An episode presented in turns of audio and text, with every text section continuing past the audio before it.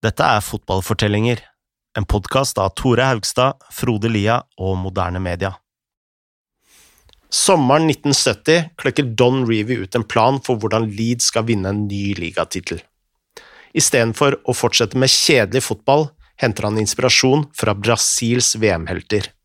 Stilskiftet løfter Leeds mot nye høyder, men i de avgjørende kampene får de både dommerne og arrangørene mot seg.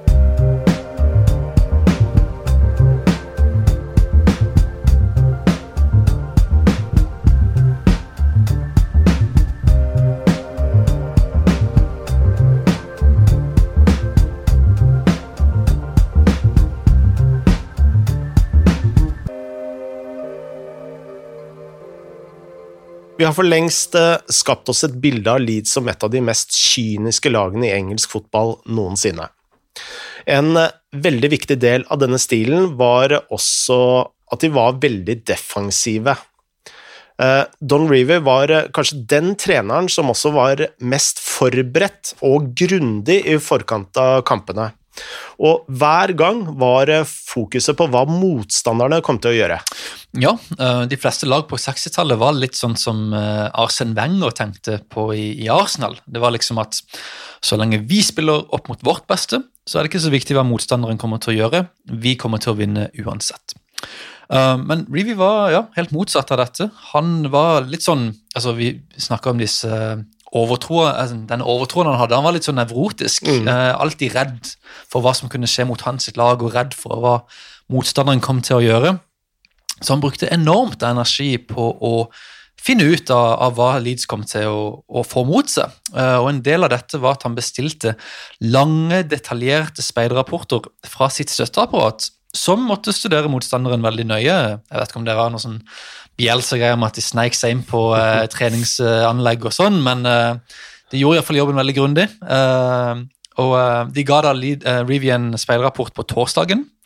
På fredag fikk så Reevy reservelaget til å kopiere motstanderen de skulle møte, sånn at de kunne øve seg på de kampsituasjonene de, ja, de forventa. Sånn god, gammeldags skyggespill?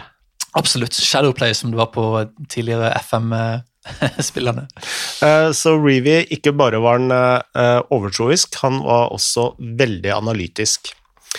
Og en ting som var veldig interessant, det var uh, når sønnen hans skulle gå gjennom arkivene hans fra tiden i Leeds, og der fant han ti brune A4-mapper fulle av statistikk om spillerne. Der kunne det stå sånne ting som for eksempel hvor mange pasninger Bill Bremner hadde slått eh, de første 15 minuttene i en kamp, f.eks. Så du kan si at 30 år før Oppda kom med statistikk og Statsbom kom på banen, og alt det her, så var Reevy allerede opptatt av tall og statistikk og, og trender og sånn. Absolutt. Og man eh, skulle jo tro at alle spillerne støtter støttet eh, denne metodikken med tanke på hvor eh, suksessfulle de hadde vært, men eh, det var faktisk en del av dem som mente at Reevy var for defensiv og for analytisk. De visste at de selvsagt hadde et veldig godt lag, og de mente at de ville ha vunnet enda mer bare de hadde hatt litt mer frihet og, og litt mer rom for kreativitet, istedenfor å kjede seg gjennom lange rapporter om motstanderne. Problemet her var jo at Reevy hadde så stor autoritet at ingen av spillerne turte å si, si noe om dette til han. Um, hvis det var noe som skulle endre seg her, så måtte det være Reevy sjøl som tok initiativet til dette. Og nettopp dette skjedde i 1970. Den sommeren vant Brasil VM i Mexico med Pelé, Rivelino, Tostao og osv. Uh, du kjenner kanskje dette laget litt bedre enn deg? Med Zagallo på trenerbenken. Ja. Uh, og det er rart vi snakker om overtro og Brasil, for det finnes vel ikke et uh, mer overtroisk fotballand enn akkurat Brasil. Mm. Altså Når du nevnte alle disse spillerne, så må du jo legge til Jeg er jo veldig glad i backer, da. Carlos Alberto, som hadde jo et fantastisk mål mot Italia uh, i det VM-et, som alle bør gå inn på YouTube og se. Mm, hvis de ikke har sett allerede. Uh, og dette var jo det var vel 4-1 de vant i finalen mot Italia. Mm. Uh, og jeg tror det var, noe, det var sånn som man, sånn det var første gang VM ble sendt i farge-TV i mange land. Og uh, Dette ble jo en inspirasjon for veldig mange verden rundt, uh, Reevy inkludert. Um, vi husker jo at han hadde tatt masse inspirasjon fra italienske lag uh, med til kynisme og defensivt spill. Um, denne sommeren ble det da sagt at han gikk i motsatt retning og henta inspirasjon fra Brasil. Um, jeg tror aldri han sa det sjøl, men det var veldig mange bak sceneteppet som sa at det laget påvirket han kraftig. Vi spurte Rob Badgie om dette var sant. I, think there's something to that. I think that that I mean, quite a lot of them, uh, Giles and Bremner, as well as Reevy, went out to Brazil. Reevy was working for the BBC. Giles and Bremner, I think, just for a holiday, um, and, and, watched a lot of the games. And plus, you had you know Jack Charlton there and Terry Cooper um, in the England uh, squad.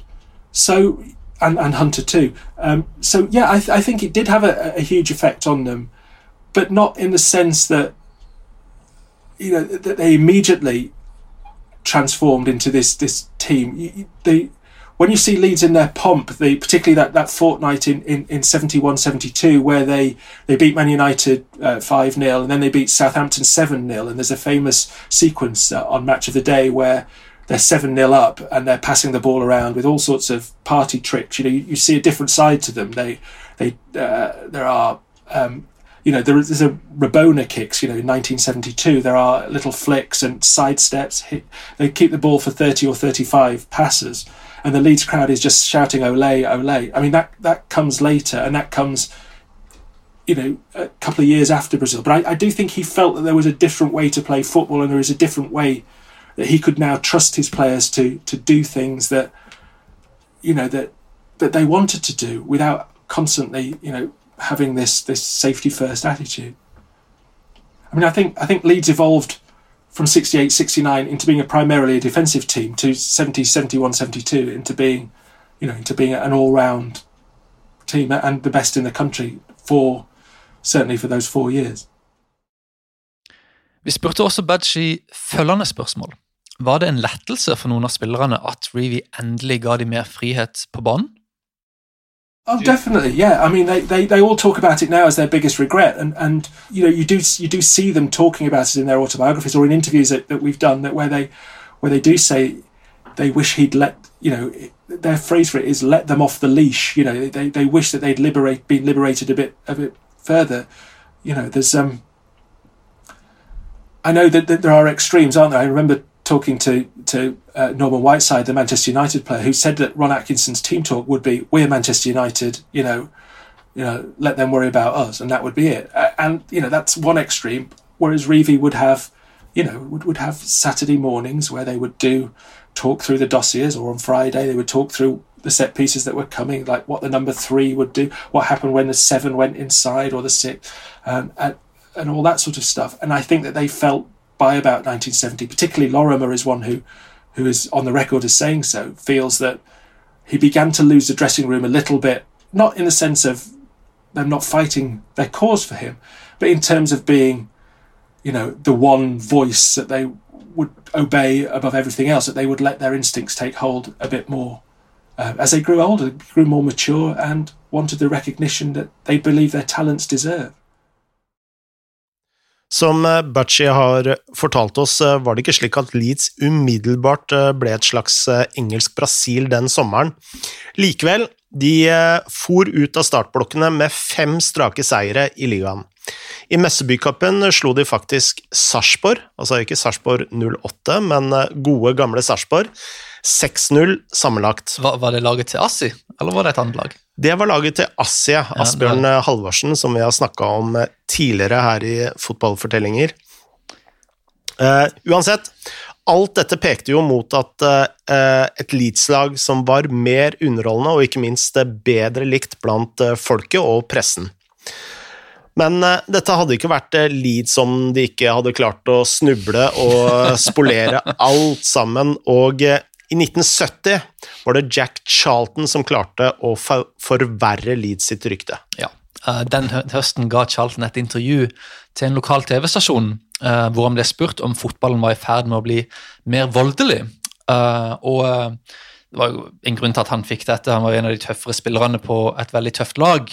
Og Altså, Han hadde jo mange muligheter her. sant? Uh, han kunne sagt at uh, f.eks. nei, uh, fotballen er ikke blitt mer voldelig, det er kun pressen som blåser ting opp, eller dommere som ikke gjør jobben sin. Han kunne sagt at ja, fotballen er mer voldelig, men at det var andre lag eller andre spillere som virkelig var de store synderne.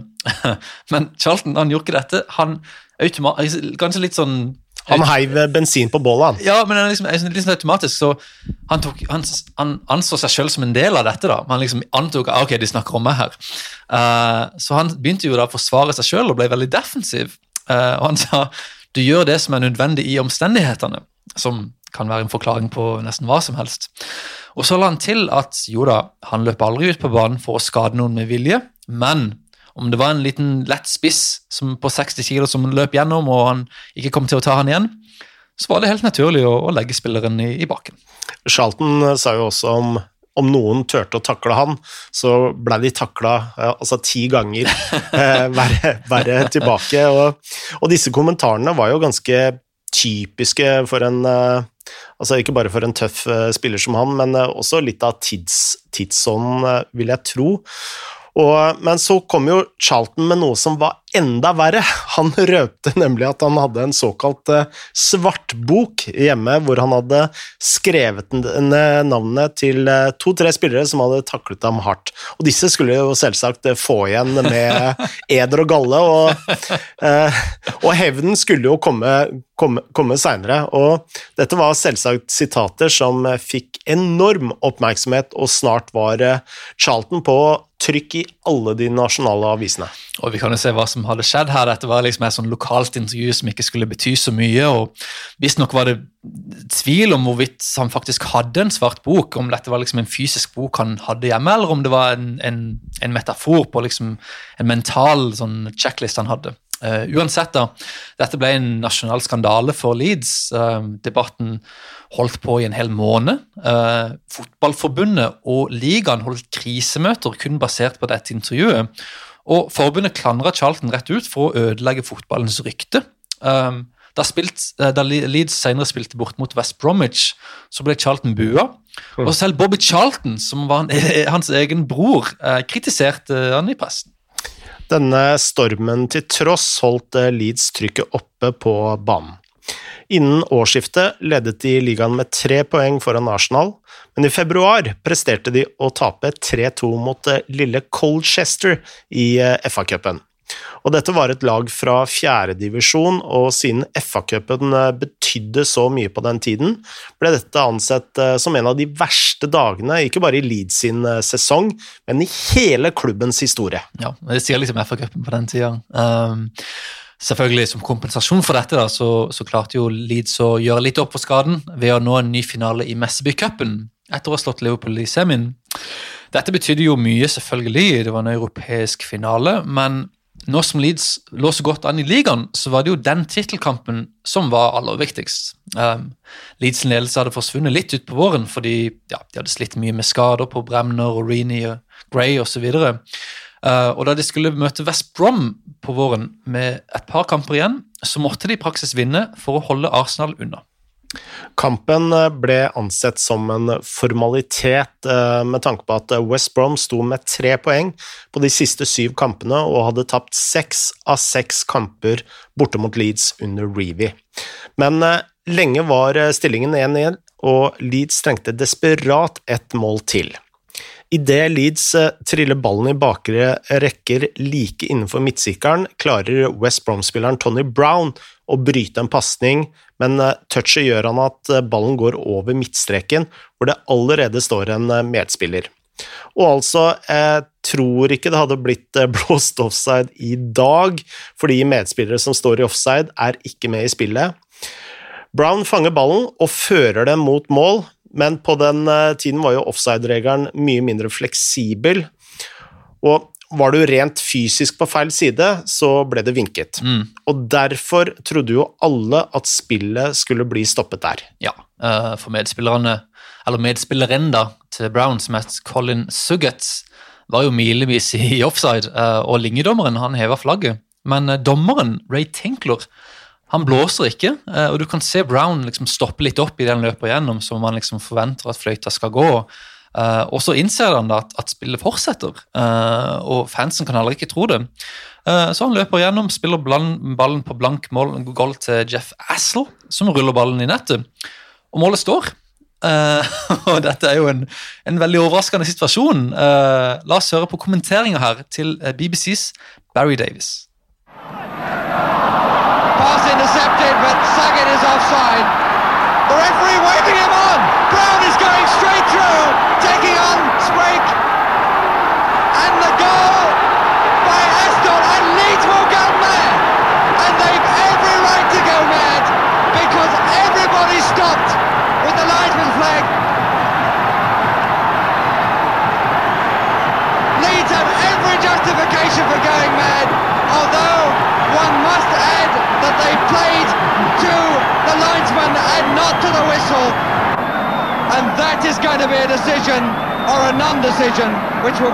about for years.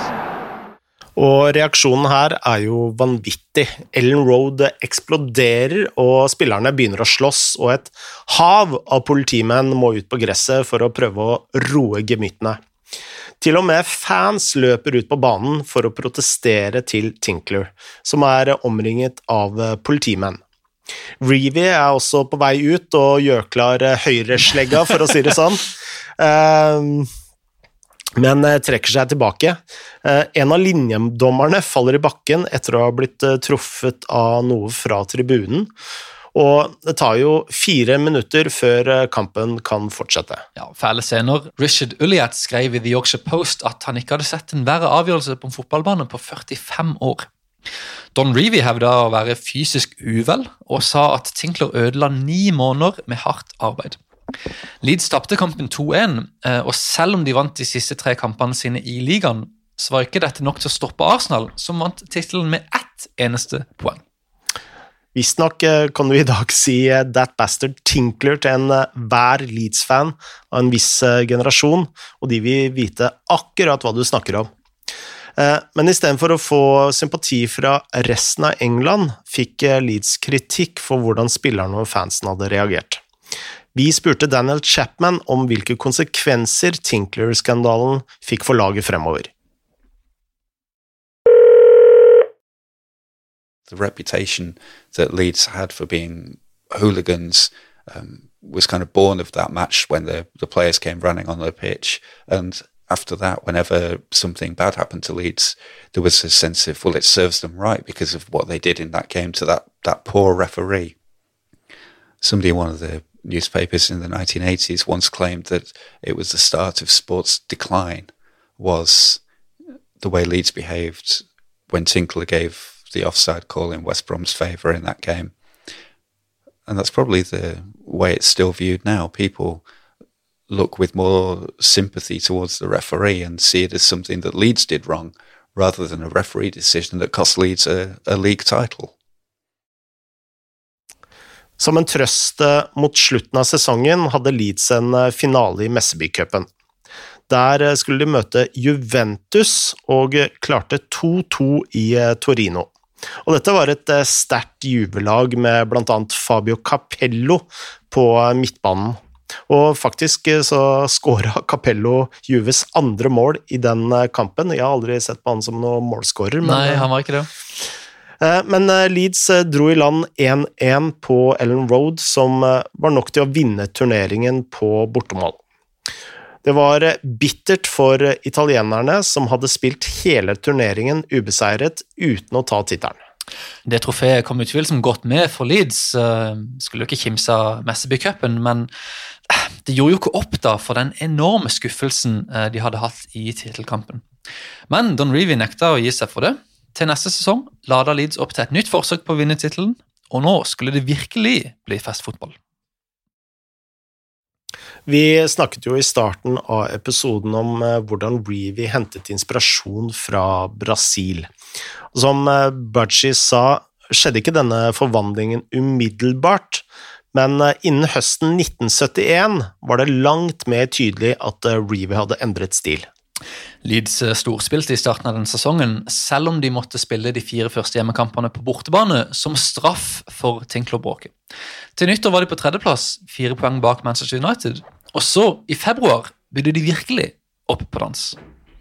Først uh, slo de Manchester United 5-1 hjemme. Så banket de Cardiff 2-0 borte, og deretter kom kronen på verket, nemlig 7-0 hjemme mot Southampton. Og Budgie nevnte denne kampen tidligere i eh, episoden. Leeds eh, trillet ball i hatt med gjestene, omtrent fra start til slutt, og leverte en av de aller beste prestasjonene under Reevy, om ikke den beste. Her eh, viste Leeds akkurat de hælsparkene og flikkene og de tekniske detaljene som Reevy hadde vært så imot bare år tidligere. Mm. Og igjen ble kommenteringen til Barry Davies en del av.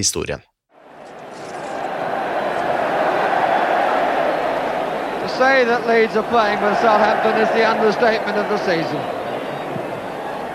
Poor Southampton just don't know what day it is. Every man jack of this, of this lead side is now turning it on. Oh, look at that! It's almost cruel. Seieren fikk avisen The Daily Telegraph til å sammenligne Leeds med storlaget til Real Madrid på 50-tallet. De skrev Leeds, with a breathtaking efficiency, left no doubt about the sheer quality of their football. Leeds, as manager Don Revie has claimed, has more than a passing resemblance to Real Madrid in their prime. Og uh, altså, dette var jo det største komplimentet du kunne gi til Reevy. Vi husker jo at han hadde modellert seg på Real Madrid når han tok over Leeds i andredivisjon. Og her fikk de jammen meg en hyllest som, som satte de helt der oppe med legendene fra Spania. Utover eh, våren var Leeds eh, ute av Uefa-cupen, men med i kampen om ligaen og FA-cupen.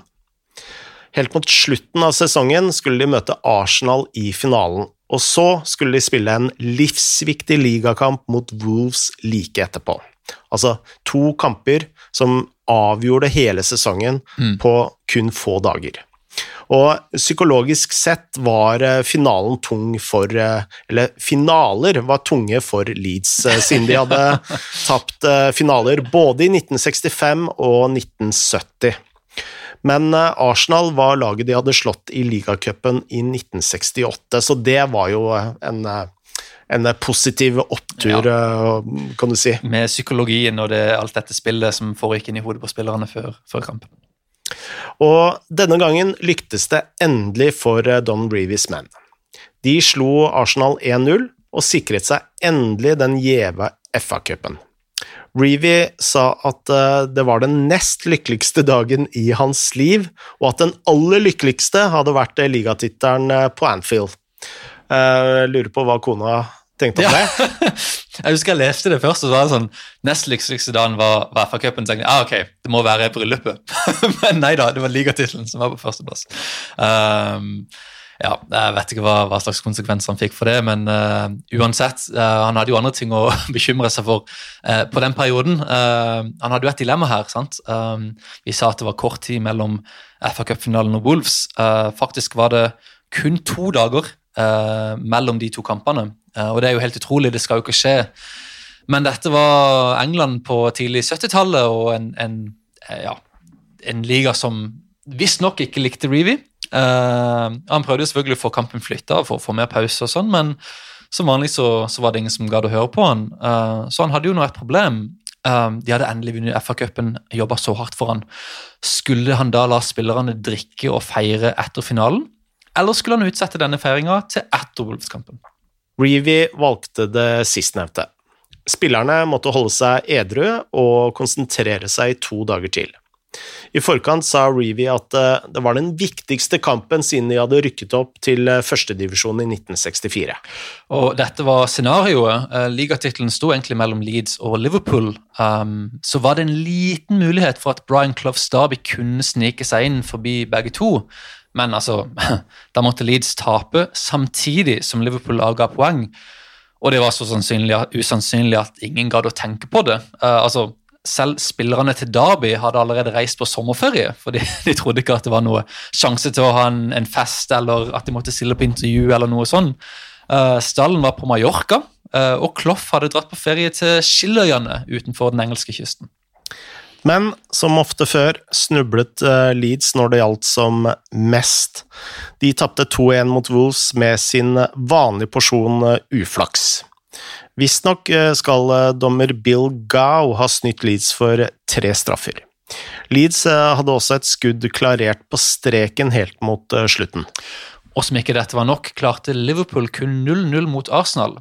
Og Det betydde at Leeds, nei, at uh, tittelen gikk til Derby og Clough, uh, som innen denne perioden da, var den største rivalen til Reevy, og som stadig kritiserte Leeds for å spille røft osv. Og, og det kunne egentlig ikke vært uh, en større smell for Leeds. Uh, etter kampen sa Jack Charlton det de fleste i byen følte. I'm sick as a pig, sa Charlton. Leeds var nå i den vonde situasjonen at de skulle feire FA-cupseieren etter å ha tapt en ny ligatittel på målstreken. Så kan man jo spørre seg gjorde Reevy en feil ved å ikke la spillerne feire cuptittelen med en gang? The players thought they should have had a break. There's a good quote from Norman Hunter um, about the, the night of the FA Cup final when he said that Don Revie should have let them go out and get smashed, sweat it off on Sunday, and they would have been fine on Monday. But it was a production of their personalities in some way because Don Revie was a warrior. Um, he needed everything to be absolutely perfect and under his control. That's why the players they loved at first being given dossiers so that they had every detail breaking down their opponents before every single game. But after 10 years of this, they'd played these players time after time, twice a season. They knew all about them. They didn't need to study them the night before a game yet again. But to Don Revie, it was all part of the process. It was all uh, what helped them get the success that they did. And I think that's why the players were willing to go along with it for as long as they did, because it did work. They couldn't really argue with Don Revie's methods. They turned them into the, the best team in Europe at the time. But it did begin to wear them down. But not giving them a break between the FA Cup final and the Wolves game has an echo from the 1965 FA Cup final, where before the game, Reevy had taken them to a hotel for a week, um, and by the end of it, the players said they were they'd felt so cooped up and claustrophobic and nervous because they'd been thinking so much about the game that it affected their performance. And in a way, it's a mistake that Reevy made again in in 1972 of as soon as the game had finished and the FA Cup final was won, they started worrying straight away about what was going to happen against Wolves on Monday night. And it's a reflection of Reevy's personality that he would always be worrying about the next game and what the next thing was going to do. Whereas the players that he had, who were, you know, they were a lot younger than him, they were a different generation at the end of the 60s, start of the 70s, they were much more willing to embrace freedom and play off the cuff when given the opportunity. It was just very difficult for Don Reevy to think that giving them that opportunity was going to be the right thing to do. Om ikke annet fikk Leeds endelig litt sympati fra pressen for sin innsats. Eric Todd i The Guardian sa at de ville bli husket som en av de mest imponerende nederlagene gjennom alle tider, om det i det hele tatt kunne kalles et nederlag. Men dette var ingen trøst for Don Reevy. De neste to årene skulle han for alvor få sin revansj.